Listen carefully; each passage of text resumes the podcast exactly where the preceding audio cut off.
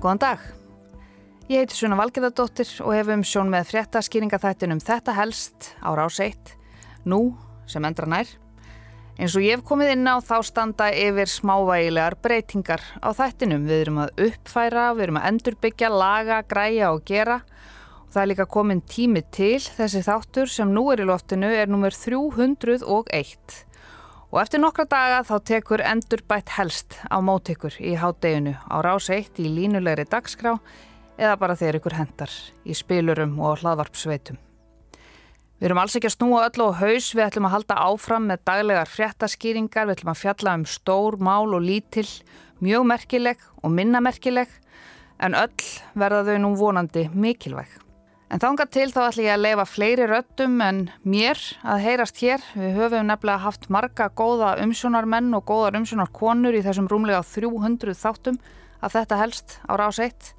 Við mætum svo brakandi fersk til leiks innan tíðar með nýtt og endurbætt helst á sama tíma og alltaf strax að loknum hátdegisfrettum á rás 1. Og það er hún vera ílúadóttir sem ætlar í dag að fjalla um morðmál í Noregi. Ég ætla að krifja gamalt norst morðmál í þætti dagsins.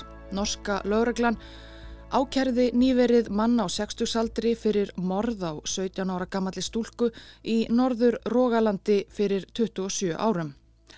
Morðið á Birgitte Tengs, lík hverjar, fannst illa útleikið í kjargróðri ekki langt frá heimili hennar í mæ 1995 hefur æsíðan verið eitt frægasta óleista glæpamál norskrar samtímasögu og leið eins og mara á norsku þjóðinni má segja.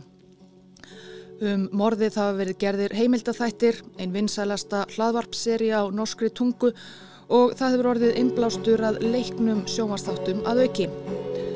Annar maður var dæmdur fyrir morðið fyrir mörgum árum en var síðar síknaður en nú kann að vera hægt að loka málinu í eitt skipti fyrir öll.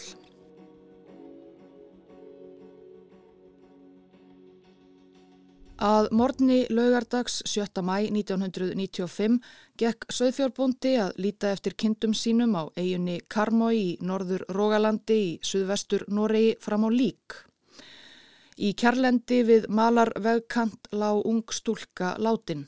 Þetta var Birgitte Tengs, 17 ára mentaskólanemi, vinamarkur námshestur með brennandi áhuga á tónlist, hann að dreymdi um að verða organisti. Kvöldið áður, förstu daginn 5. mæ, hafði Birgitte verið í unglingaparti í sapnaðarheimili nokkuð fyrir utan Kópervík, stærsta þjettbíli Karmaujar. Þegar samkundunni laukum 11 leitið rétt misti hún af síðasta stræt og heim og fekk því far með þremur stelpum á hennar reiki inn í miðbæ Kópervíkur. Stelpunar buðust til að aka Birgitte alveg heima dyrum, hún bjó með foreldrum sínum einhverja fjóra kílometra fyrir utan Kópervík en hún vildi stoppa í bænum og sjá hvort hún hitti þar einhverja kunningja. Þar var alltaf líf og fjör á föstuðaskvöldum og margir á ferli. Stelpurnar hliftu Birgitte út eitthvað fyrir miðnetti og næstu mínúturnar sáu margir hana á gangi á göngugutu bæjarins. Um átta mínútur yfir miðnetti segjast tvö vittni hafa síðan hana standa við kirstæðan grænan bíl, halla sér upp að bílstjóraglökanum. Síðan sá engin Birgitte Tengs aftur á lífi. Samkvæmt lauruglu var hún myrt um klukkustund eftir þetta og beitt kynferðisofbeldi fyrir andlátið og lest að sögum mikill að höfuð áverka. Líklega var hún barinn í höfuðið með þungum steini. Lík hennar fannst ekki nema 400 metra frá heimili hennar. Ummerki á vettvangi bentu til þess að ráðist hafi verið á hana þarna á malarveginum og hún svo dreyin inn í kjarrið þar sem hún fannst. Við tók einn umfangsmesta og umdeildasta laurugluransókn norskrar sögu. Hróttalegt morð á ungri stúlku í rólegu dreifbíli vakti mikinn óhug með norsku þjóðinni. Þá tveggja ára gömul fermingamyndin af Birgitte, hún klætti litríkan þjóðbúning með þygt liðað hár, horfir til hliðar ákveðin á svip, myndin varð undir eins þjóðþægt. Og rannsókn lauruglu gekk nokkuð brösulega. Í hönd Birgitte fundust nokkur laungljós hár. Rannsókn vísindamanna norsku lauruglunar leiti í ljós að þetta væru ekki hár úr Birgitte sjálfri. Ítarleg leit var gerðað manni í byggðarlæginu með ljóst sítt hár. Í áslokk 1995 var búið að yfirheyra á annað þúsund manns og taka meira en 500 blóðpröfur til að bera saman við hárin. En ekkert gekk. Haustið 1996 voru hárin úr hendi Birgitte sendt til Englands til frekari greiningar. Þarna um miðbygg tíunda áratugar var DNA-tæknin enn frekar nýjaf nálinni, ekki eins langt komin og nú og norska rannsóknarlauruglan kannski engir sérfræðingar. Niðurstaða englendingana var nefnilega svo að hárið væri í raun úr Birgitte sjálfri, ekki morðingjanum. Lögregla hafi því sóað hálfu öðru ári í dauða leitsinni að síð og ljósherðum morðingja.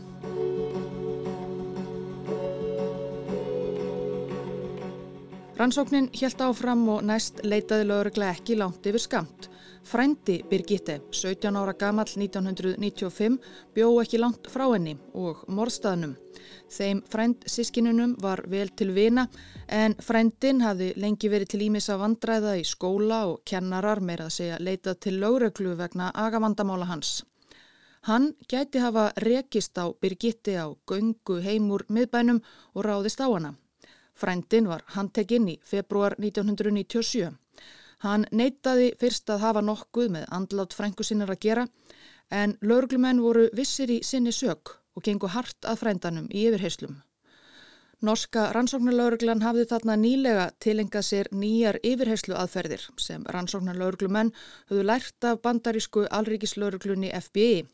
Frændin, 19 ára þegar þarna var komið sögu, var til að mynda kvattur til að ímynda sér hvað gæti hafa komið fyrir frængu sína, skrifa það niður aftur og aftur, reyna að lokka fram minningarnar. Hann hliti jú að hafa drepið hana um það voru lögurklumenn vissir. Þeir vildu bara hjálpa honum að muna. Og þessar nýju aðferðir báru árangur. Eftir tæpan mánuð í varðhaldi, í einangrunn þar sem hann hitti engan nema lögurklu og lögmann sinn, játaði frendin að hafa orðið frængu sinni Birgitte Tengs að bana.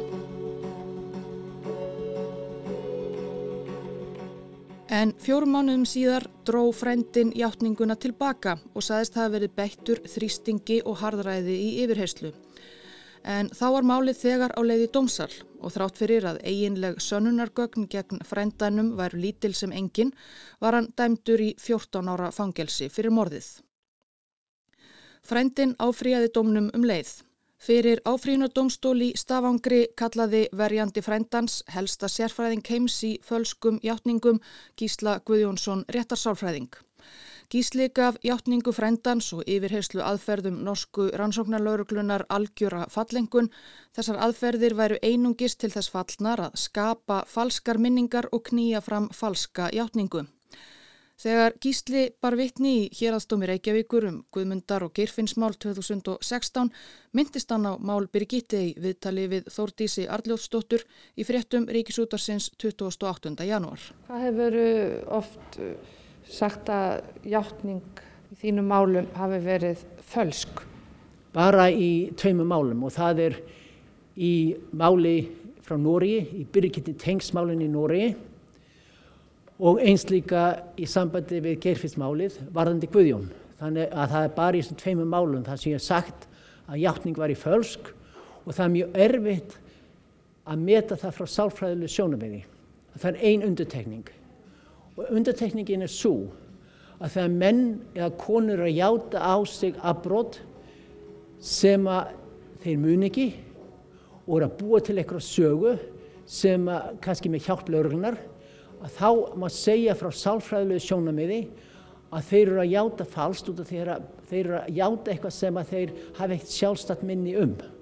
Frændin var síknaður af áfríðunardómstólunum og vó sérfræði álit gísla þúnt í þeirri ákverðun. Frændin var þá frjáls maður en málið hefur einhverja síður litað alla hans æfi. Hann satt meira en ári í gæsluvarðaldi og hefur ítrekkað reynd að sækja skadabætur þess vegna, bæði fyrir norskum domstólum og evróska mannreitindadómstólnum. Hann hefur dvalið langdvölum erlendis þar sem hann telur að sér sér ekki stætt að búa í Noregi. Þó 2011 gerði hann tilraun til að flytja heim til Noregs þegar honum bauðst starfi í norskum banka. Þegar upp komst í bankanum að hann væri hinn allræmdi frændi Birgitte Tengs var þó atvinnu tilbóðið dreyið snarlega tilbaka. Þeir atbyrðir urðu innblástur að norsku sjómaseríunni Frísjent eða Síknaður sem nú má horfa á á Netflix. Vi trenger deg, Aksel. Bygda kommer til å dø. Det har gått 20 år. Ting ser annerledes ut nå. Jag vet att du tror att han är oskyldig, men någon måste ju ha gjort det. Han dödade henne. Han slog hennes huvud mot stenen. Han slog... Í áranarás hefur mikill í gaggríni verið beint að norsku lauruglunni fyrir það hvernig staðið var að rannsókninni á morðinu á Birgitte Tengs. Lauruglan í raun sökuð um að hafa klúðrað rannsókninni. En hver drap þá Birgitte Tengs ef það var ekki frændin? Þeirri spurningu var um árabil ósvarað. Árið 2015 gaf norska gödublaði Verdens gang út sex þáttar hlaðvarpserju Úlöst og leist um morðið á Birgitte. Politiet har den siste tiden fått flere tips etter drapet på Birgitte Tengs. Birgitte Tengs drap eh, Birgitte Tengs er jenta på konfirmasjonsbildet. Bølgete hår og blå rogalandsbunad. Vi husker det bildet, og så husker vi noe om fetteren. 20 år etter drapet er saken fortsatt ikke løst, og samfunnet på Karmøy mangler svar. Hør Uløst, en krimpod fra VG. Hlaðvarpserían sló í gegn og varð rækilega til þess að kveikja aftur áhuga almennings og yfirvalda á morðinu sem enn var óleist. Árið síðar 2016 var stopnuð sérstök deildinnan norsku rannsóknarlauruglunar til að rannsaka gömul óleist mál Cold Case grúpa eins og hún kallast á góðri norsku. Fyrsta málið sem Cold Case grúpa tók til rannsóknar var morðið á Birgitte Tengs. Hópurinn rannsakaði allar vísbendingar í málinu á nýjanleik og helstu gögn af vettvangi voru sendt til ítarlegri rannsóknar á rannsóknarstofu í Östuríki. Og við rannsókn á sokkabuksum Birgitte fannst hár sem hægt var að erðagreina og loks rekja til ákveðins manns. Onsdag eh, denne uken pågrep eh, politiet en mann siktet for eh, drapet på Birgitte Tengs. Mannen er 50-årene og bosatt på Haugalandet. Í september byrjun 2021 tilkynnti lauragla að búið væri að handtaka Karlmann um 50 sem grunaður væri um morðið á Birgitte Tengs.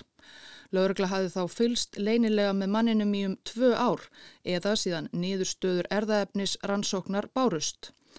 Nokkru síðar var kungjört að sami maður væri grunaður um annað morð á ungri konu, Tínu Jörgensen, sem var tvítugað aldri þegar hún kvarfi stafangri 24. september árið 2000. Lík hennar fannst mánuði síðar í dren röri við kirkju nokkuð fyrir utan borgina. Cold Case hópur rannsóknarlauruglunar tók mál hennar einnig upp að nýju fyrir nokkrum árum. Í ágúst 2022 var maðurinn ákerður fyrir morðið á tínu og 17. oktober tilkynnti ríkisaksóknari Norex að maðurinn væri einnig ákerður fyrir morðið á Birgitte Tengs.